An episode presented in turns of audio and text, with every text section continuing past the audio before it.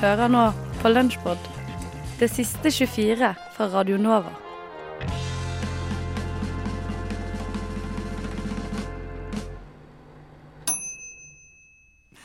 Lunsjpod er podkasten du har klart å finne frem i podkastappen din. Og det er podkasten som gir deg noe av det som ble sendt på lufta her fra Radio Nova i forrige uke. Vi teller uke 46 for de som teller uker. Jeg vet ikke. Det er, det er viktig å holde oversikt, i alle fall. Det er viktig å Ja, holde oversikt. om det ikke er teller, så i hvert fall følg med. Og stemmene du hører som snakker om uker, det er meg, ansvarlig redaktør Ådne Feiring, og fagsjef Stine Spjelkavik Hansen. Stemmer. Du talte det helt rett. Veldig bra. Takk. Det gikk så vidt, i hvert fall. Og Stine, du har funnet frem et klipp fra frokost, du. Ja, for på tirsdag så fikk Maja, Theis og Jakob besøk av en superjodler. Eh, og det viser seg at eh, Theis eh, trodde det var snakk om appen, og ikke selve liksom, sangformen, eller hva man skal kalle det. Så det kan vi jo tenke litt på mens vi hører på dette. Den kanskje ikke glemte, men i hvert fall hyppig oversette kunstformen jodling, eller hva? Bare forestill deg en mann med bukseseler som jodler utover de franske alpers høyeste tinder, med alpeblomster i hånda og snø mellom gamasjene. Hvilket vakkert bilde! Jeg syns jodlingen har blitt urettferdig behandlet i disse Sigrid og Kygo-dager. La oss puste liv i den gamle tradisjonen igjen.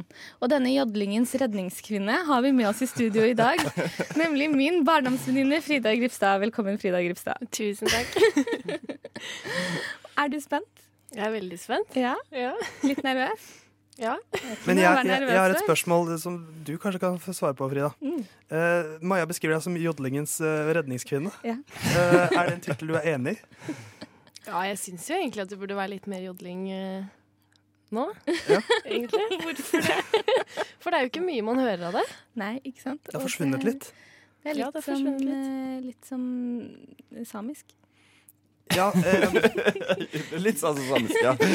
På mange måter. Joik har jo faktisk blitt eh, er mer på topp nå, da. Ja, det har det. Og derfor er det viktig å holde hevd ved jodlingen også. Og da tenker jeg at du bare kan eh, gi oss en liten eh, smakebit på jodling, og så skal du lære oss det andre. Ok, Det er lov å le. Bare sånn, de fleste pleier å le når de hører det. Og så vil jeg bare at folk skal ha det bildet som jeg beskrev i hodet, da. Mm. Med liksom alpetinder og sånn. Og bukseseler. Ja, bukseseler. Vær så god, Frida.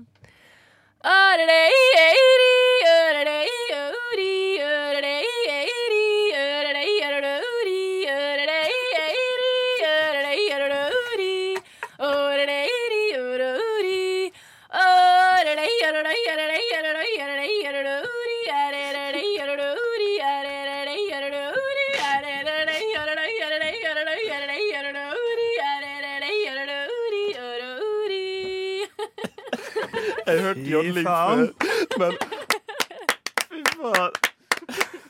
Dette var kanskje sist jeg forventa at min tirsdagsmorgen skulle inneholde. Det var jodling. Fra alpeblomsten, Frida.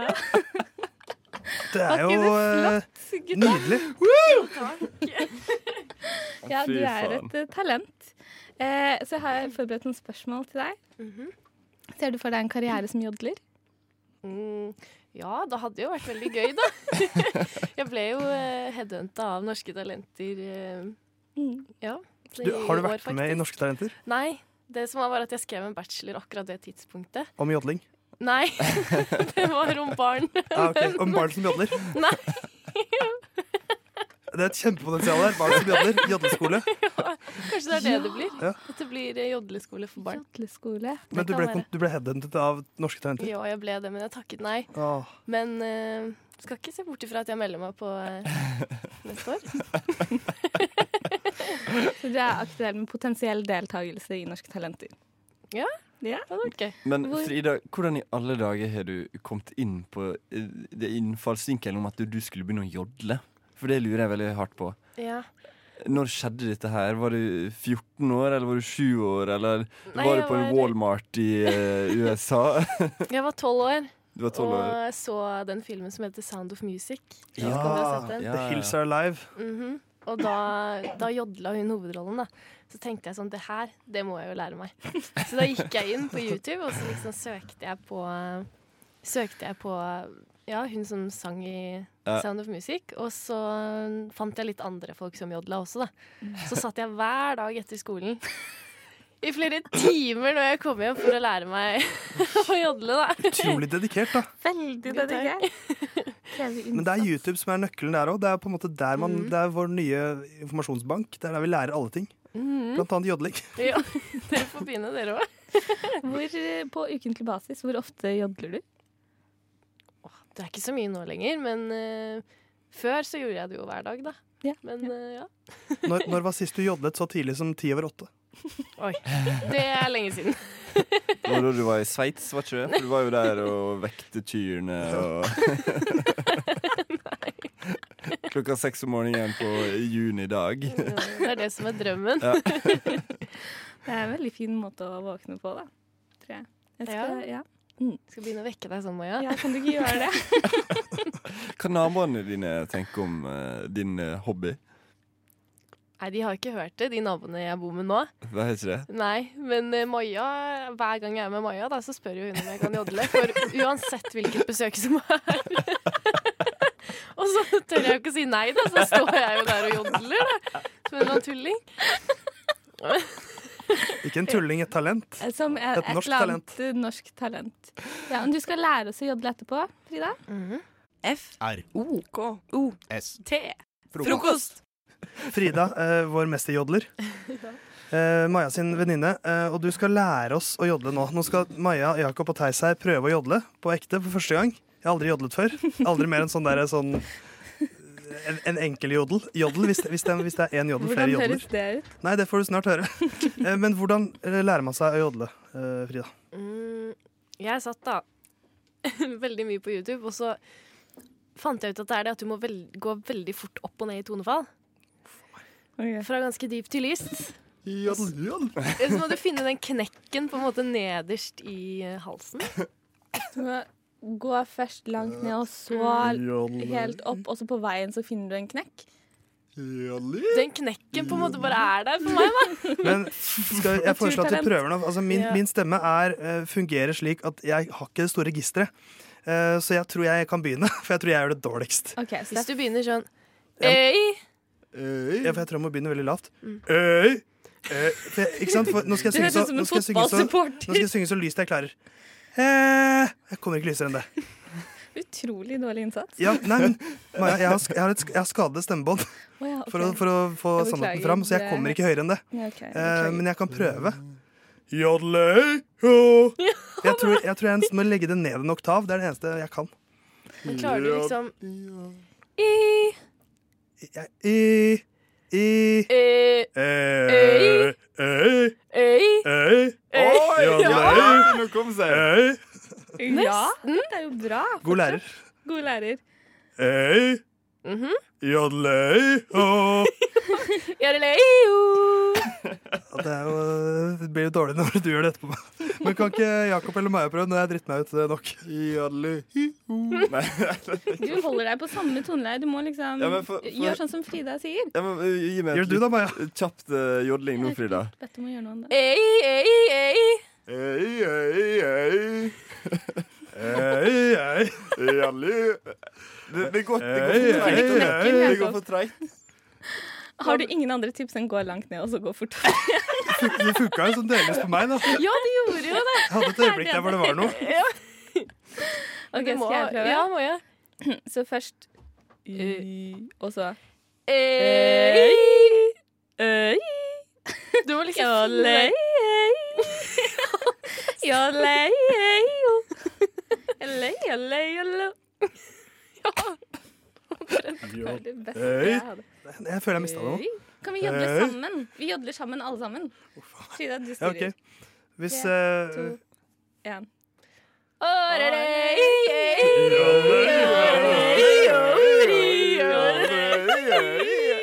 Det blir bare at vi ødelegger den vakre jodlinga. Har du, vet du når du skal si i, og når du skal si å? Liksom, er det en eh, naturlig rekkefølge på lydene?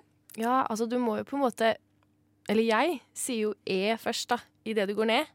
Og så I når du går opp. Ja. Øy, øy. Jodløy. Men det handler liksom om å finne den knekken, og det er den jeg brukte veldig lang tid da, på. Hørtes. Så det kan være litt vanskelig å lære det på. Ja.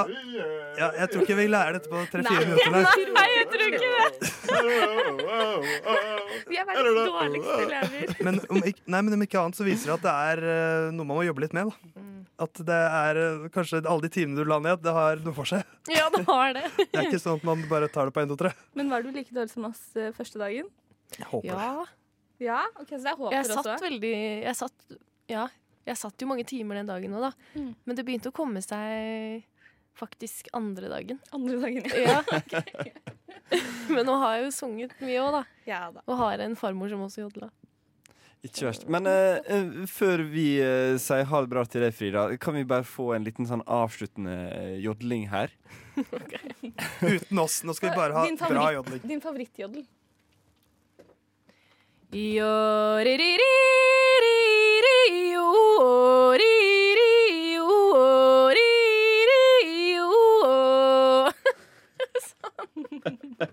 En siste. En siste.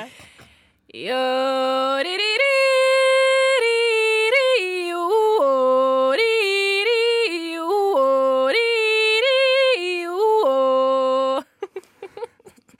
skjønner at du får litt prestasjonsangst her, ass, men det var, det var veldig bra.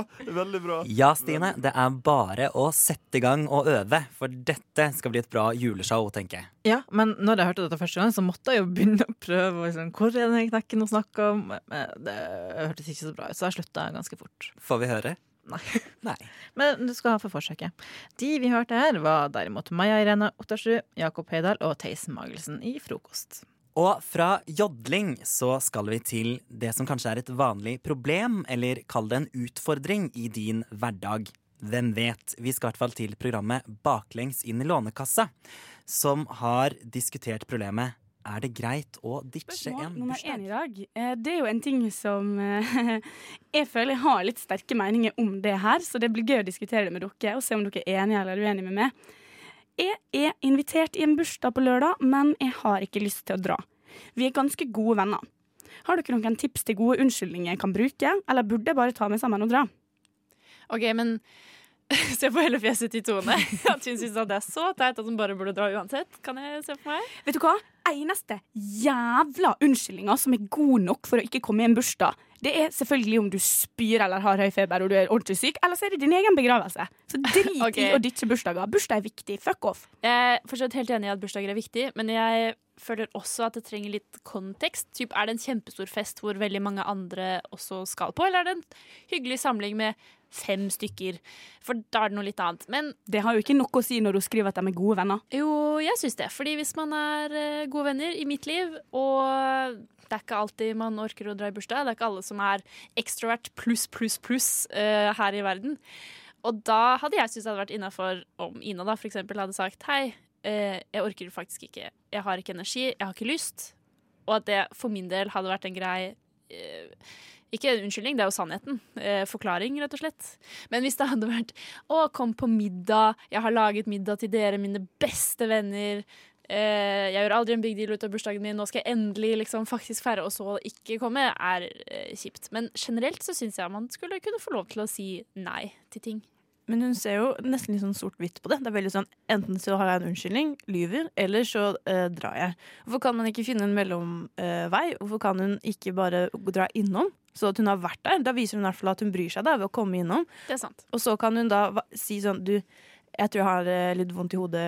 Det, OK, det ikke det å lyve igjen, da. Men si sånn Hei, du, jeg er litt sliten. Jeg tror kanskje jeg drar hjem eh, litt fort. Bare det er en times tid, liksom. Da har du i hvert fall vist innsats og vært sånn Ja, du var her, jeg så deg. Jeg sa gratulerer med dagen, jeg stilte opp. Og så kan du dra hjem tidlig. Ja, det er jeg helt enig i. Det er jo bare Det er, burde være en selvfølge at hvis du er invitert, så burde du ta det Altså, da er det hyggelig. Da har du blitt invitert, og vis i hvert fall at vi setter litt pris på det, da. Du trenger ikke å være der til klokka tre om natta. Det er ikke vits i. Men eh, hvis du bestemmer deg for å si at eh, Ja, for å si sannheten om at du er sliten og ikke orker, da må du også tenke at hvis alle andre gjestene som er invitert, også tar den samme, så hvordan, syns, altså, hvordan tror du det blir for den som har faktisk arrangert? Det er, jo, det er jo kjempekjipt å arrangere bursdag hvor ingen kommer, og det er veldig lett øh, å tro at å ja, men jeg orker ikke, men det blir jo sikkert kjempefest. Og så er det mange som dukker opp likevel, og det vet man jo nødvendigvis aldri. Det samme med å komme tidsnok, i hvert fall når det er Mm. bursdagsfeiring. Det synes jeg er litt viktig. Sånn, hvis festen starter eh, sju, da, så er det ikke greit å komme ni, nødvendigvis. Um, men det er liksom en litt annen diskusjon. Men jeg mener ganske sterkt at det burde være rom i et vennskap for å si og være ærlig at eh, Å si nei takk. Å si 'jeg orker ikke, jeg har ikke egentlig lyst', men å spørre, tilnærme det litt sånn 'jeg er veldig lei for det, men det er mange jeg ikke kjenner, og det er litt vanskelig for meg'. Blir du veldig lei deg om jeg ikke kommer? Syns du det er veldig viktig Er det viktig for deg å ha meg der? Og hvis den personen da sier ja? Da, den, da syns jeg man burde gjøre en innsats for å dukke opp. Men uh, da har man jo vært uh, ærlig, i hvert fall. I utgangspunktet. Jeg tenker uansett at ærlighet Hvis du først bestemmer deg for at jeg ikke har lyst til å dra Ja, men sånn, Hvis du da kommer med en unnskyldning da, og sånn 'Å, jeg føler meg litt dårlig. Å, jeg har vondt i hodet.' Da Istedenfor å være veldig Jeg tror hvis denne personen kjenner deg godt, så skjønner de også at du lyver. Ja. Så istedenfor Hvis du kjenner at 'vet du hva, jeg vil virkelig ikke', og da må du si det så ærlig som mulig, Fordi ellers så blir det bare kjipt, for de skjønner at du, øh, du lyver, og det er enda verre, egentlig. At du ikke Mm. klarer å være ærlig med en så god venn, da. Spesielt hvis du gjør det sånn halvtimen før. Bare, du, jeg har egentlig litt migrene. Og det er det eh, verste. Jeg orker Å, fy faen. Det er så dårlig gjort, Folk vet litt før. Altså, det verste er i hvert fall å si at du kommer, og så si fra rett før. Det kan man ikke finne på. Uff. Nei, men kanskje vi bare skal konkludere med at eh, hun skal gi det en sjanse, da. Eller han. Hun eller han skal gi det en sjanse, og bare dra en liten tur, da. Så kan du heller bare være ærlig og si at å, du, jeg må hjem og slappe av. Stikk innom, gi vennen din noe å drikke, skjenk dem fulle, og så glemmer de at du dro hjem klokka ti. Yes, der har du det. Løst. De vi hørte i Baklengs inn i Lånekassa, var Tone Hafsås, Ina Sletten og Julie Oskar Andersen. De to siste er jo for ordens skyld egentlig fra Nova Noir. Nå skal vi bli med Umami til Tøyen, der de har besøkt gutta bak Tøyen Cola. I dette intervjuet som vi skal høre nå, så prøver de å finne ut hvorfor guttene starta med brygging, og hva som er egentlig grunnen til at folk Er foretrekker dette teknisk sett Tøyen, eller er det Grønland? Grøn, gamlebyen, teknisk sett. Ja. Nei, helt krysset der er vel Grønland, Tøyen og gamlebyen. Ja. Det er så rart det der. Det er så små statsdeler. Gjemt inne blant bedrifter og biler på Sveigårds gate 34, ute i vinterkulda, finner vi en smørblid Rikard Svensk. Den ene halvdelen av lokalbrusmerket Tøyen Cola. Han viser oss vei opp trappen inn til lokalene hvor alt skjer. På veien advarer han om at de har en blind gammel hund som bjeffer, men ikke er noe farlig.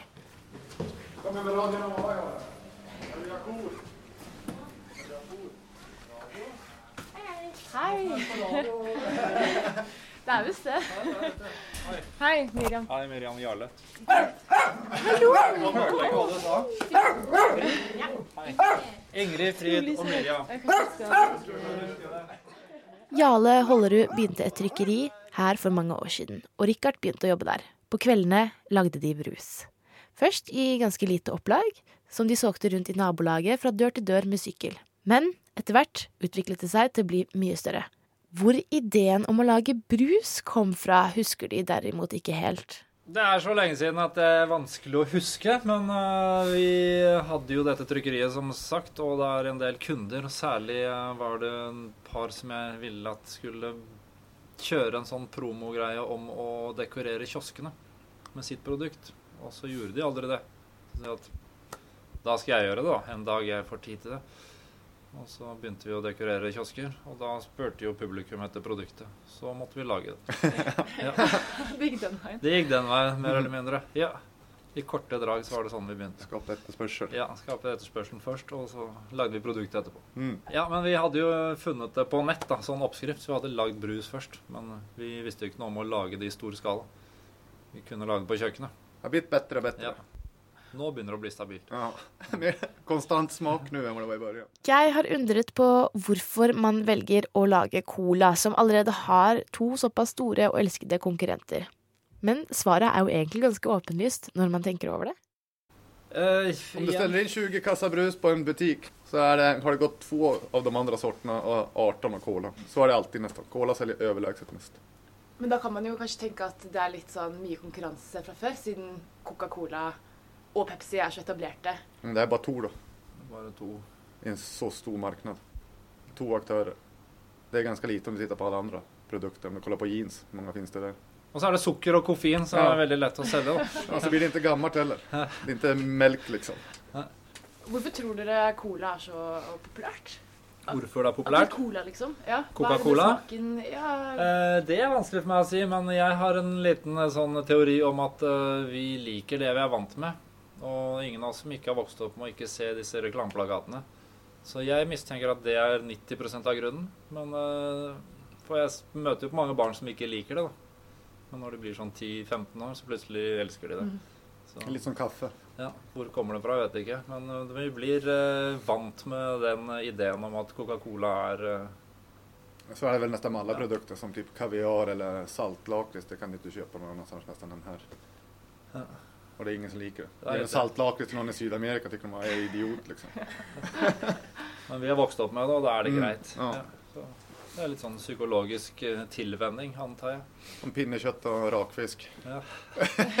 det er svårt om man er fra Sverige til eksempel. Mens de har tatt av og jo promotert sitt produkt over hele verden. Mm. Så antageligvis er det derfor. Men det kan også være noe magisk ingrediens i det. Jeg vet ikke. Maybe it's cocaine. Men det er ikke bare bare å lage cola. Det er både en komplisert prosess, små marginer, for ikke å snakke om eksklusive råvarer. Men eh, det er forferdelig små variasjoner som skal til før det blir stor eh, variasjon i smak. Det er lettere å gjøre en stor batch enn en liten batch.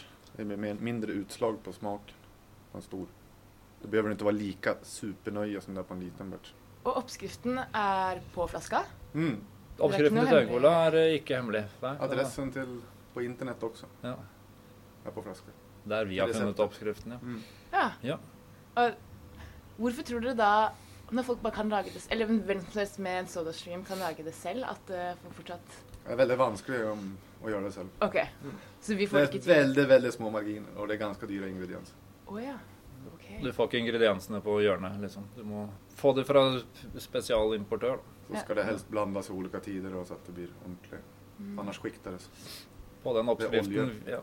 på den oppskriften vi har, så er det vel noen av ingrediensene Skal du ha en, du skal ha en halv milliliter, så det er omtrent en dråpe av den ene ingrediensen på 20 liter ferdig Nei, på 90 liter ferdig Mm. brus. Så det er fem eh, bøtter med vann, og så er det en halv dråpe med ingrediens.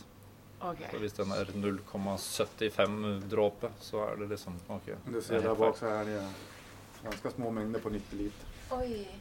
Ja, OK. Ja. Så skal du gjøre det hjemme på kjøkkenet, så er det ganske fort gjort at det får litt for mye av noen smak. Ja, det blir ikke så godt. ja. For dobbelt er en ting, så smaker ja. Kjempe, kjempelitt. Ja. Det blir en annen brus. Ja. Og så sitter du der med 90 liter med som ikke smaker cola. Det er det. Og noen av ingrediensene, særlig Neroli, er jo forferdelig dyrt. Da. Mm. Av alle ingrediensene så er den sånn 100 ganger dyrere enn alt annet. Ja, det det håndplukkede, det der, hva heter Rosen. Ikke kronbladene, men de små pinnene med pollen på på blomsten. De som er i midten. Cirka to uker på sig å gjøre det per år. Ja. er är det. Så må de plukke de for hånd, og så må de kaldpresse olje ut av det. Så det koster sånn, jeg vet ikke, 190 millioner kroner for en eh, desiliter. Jeg husker ikke. Vi kjøpte 300 milliliter for 18 000 eller noe sånt där. Ja. Jag vil ikke tappe den i gulvet eller stå på kjøkkenet og mikse litt feil. Det blir dyrt. Det blir dyr brus. Oi, men var det vanskelig å eh, gå i profitt? Tanke på at Det vet vi ikke ennå. Har ikke gjort det ennå. Ok. Det er nok litt vår egen feil òg, for vi er eh, ikke så opptatt av det. Vi syns det er morsommere å lage ting og Vi er ikke så flink på salg. Ja. Dårlig på salg. Ja, ekstremt dårlig. Vi sitter jo her til eksempel nå. Burde vært ute og solgt akkurat nå, men vi gjør ikke det. Men det selges jo eh, overalt i byen. Många steder. Mange Vi har vært veldig heldige. Vi har vært godt tatt imot. Det er i lite vår fortjeneste. Det er mest publikum. Og ildsjeler som dere som ønsker å prate om det, som gjør at vi plutselig er på leppene til folk. Så tusen takk til alle som har satt oss i hylla. Det er mye mystikk rundt Coca-Cola. Mange myter og rykter om den superhemmelige oppskriften. Tilsvarende er Tøyen-cola også ganske mystisk. De har ikke Facebook-side eller Instagram. De har bare nylig fått en svært minimalistisk hjemmeside. Og ingen ser ut til å vite hvem denne O. Mathisen, som hver flaske er signert med, er. Vi har vel kanskje vært litt enige om å ikke snakke om det. exakt. Så holder vi bare. Den er stengt. Ja. Det er bare en hemmelighet? Mm. Ja. Det er sikkert folk som vet om det, men vi er Storyen är litt ja. enn å bli berettet. Den er ikke värd å bli berettet, og ödelägger vi det. veldig morsomt hvis det bare er ingenting. Eh, jeg Men det er ikke så langt unna sannheten. altså, eh, og Jale styrer samtalen høflig videre. Vi snakker litt om at Tøyencola nå skal distribueres til store deler av Norge, til og med opp til Bodø. Og jeg får lyst til å stille spørsmålet om hva egentlig målet deres er. Oh, det er kanskje litt forskjellig. Eh, Et mål er å overleve økonomisk. Eh, Det er jo ganske vanskelig, fordi den såkalte staten skal jo gjerne ta avgifter på alt som er. Så når du kjøper en flaske i butikken, så er i hvert fall 50% rett til staten. Og Pluss moms og sånt. Fem, ja, ta bort momsen, og så er 50% til staten, og så er kanskje 40% til kjøpmann, og kanskje 5% av det som er igjen Mm. til oss, da, når eh, distributøren har tatt sitt. Så vi sitter igjen med veldig lite per enhet, og det er vår egen skyld fordi vi har lyst til å ikke være sånn forferdelig dyr ute i butikk. Skulle egentlig vært sånn Hva heter sånn der eh. Det hadde vært moro for oss, men hvis vi skulle gjort ordentlig butikk og ganget med 2,5 og sånn BI-kalkyler, så hadde det kosta 60 kroner på Rema. Og da hadde det ikke vært okay. mange som ingen som kjøper. Nei. Så vi vil helst prøve å være litt sånn folkelig priset, men det gjør at vi bare egentlig går i null eller minus. Så det er et mål å overleve der, og et annet mål er jo kanskje å oppfordre folk til å lage det vi forbruker, Stedet for å annet enn å importere Ekstremt mye import, altså. Vi har veldig lite produksjon igjen i Nesten landet her. til ingen industri altså. Ja. Det er ikke noe industri. Det er, eh, det, det er sikkert en del. Oljeindustrien, liksom. Men den er på vei å slutte. Ja. Eh, hvis vi ser rundt oss, så har vi alle sko og klær, og det er gjerne asiatiske barnehender som har sydd det. Vi kunne gjort det sjøl. Ja, kanskje. Ja, litt sånn idealistisk tanke, da. Vi får se om eh, folk plukker opp tråden. Men det er vanskelig å være idealist også når det er at staten skal ha så mye penger. Det er svårt, liksom. Du må jo få det å gå rundt også. Du kan ikke bare være idealist. Nei. Det er det som er litt problem. Nå blir det mye jobb i hvert fall. Mm. Men det er litt morsomt å jobbe for seg selv. Dere jobber mye sammen. Er dere venner også? Nei, gode venner. Vi henger lite på fritida, men ja. nå er det jo i hvert fall en seks, sju, åtte, ti timer om dagen her, da. Så det er gjerne nok. Jeg holder en del. men vi kjente ikke hverandre før vi begynte å jobbe sammen. Nei. Han eh, kom danglende inn her og lurte på jobb på trykkeriet. Mm. Så fikk han det, for han var i godt humør. Hadde så vakkert hår. Ja, virkelig. Tenkte. Til slutt stiller jeg spørsmål om hva som skal skje med Jalla-spriten, deres andre produkt, nå som de må trekke den tilbake etter å ha tapt saksmålet med Coca-Cola Company. Skal de få den ut igjen med et nytt navn, eller skal de lage en annen brus, kanskje en appelsinbrus? Men igjen blir de litt mystiske og vil ikke si for mye. Men vi kan vel kanskje holde øynene oppe i håp om at en ny brus kanskje snart treffer hyllene? Nå som Jalla-spriten har blitt tatt av hyllene Ja. eh, pga. saksmålet med Coca-Cola Jeg lurer på, Har dere noen sånn ambisjoner om å eh, få den ut igjen med et annet navn? Eller noe annen type brus? Appelsinbrus? Eller, eller Vi har planer på ny brus, men vi vet ikke riktig allt än. Nej. Vi bare holder det der. Ok. Jeg har sagt bort meg før, og det blir mas på alle ihop. Det er vel tilbake til forrige spørsmål. Akkurat der er vi uvenner. På det spørsmålet. Men det behøver vi ikke prate om her. Nei, kanskje ikke. Til slutt får vi en omvisning i fabrikken. Alt gjør de selv herfra. Helt fra å lage sirupen til å tappe og til og med trykking av flaskene. De som er der, er den. men Tøyencola har ikke etikett. Nei, det er bare trykk på flasken. Å ja. Det er silketrykt. Det er også en grunn til at det er ekstra dyrt. Mm. Så har vi litt flaskelager bakom der.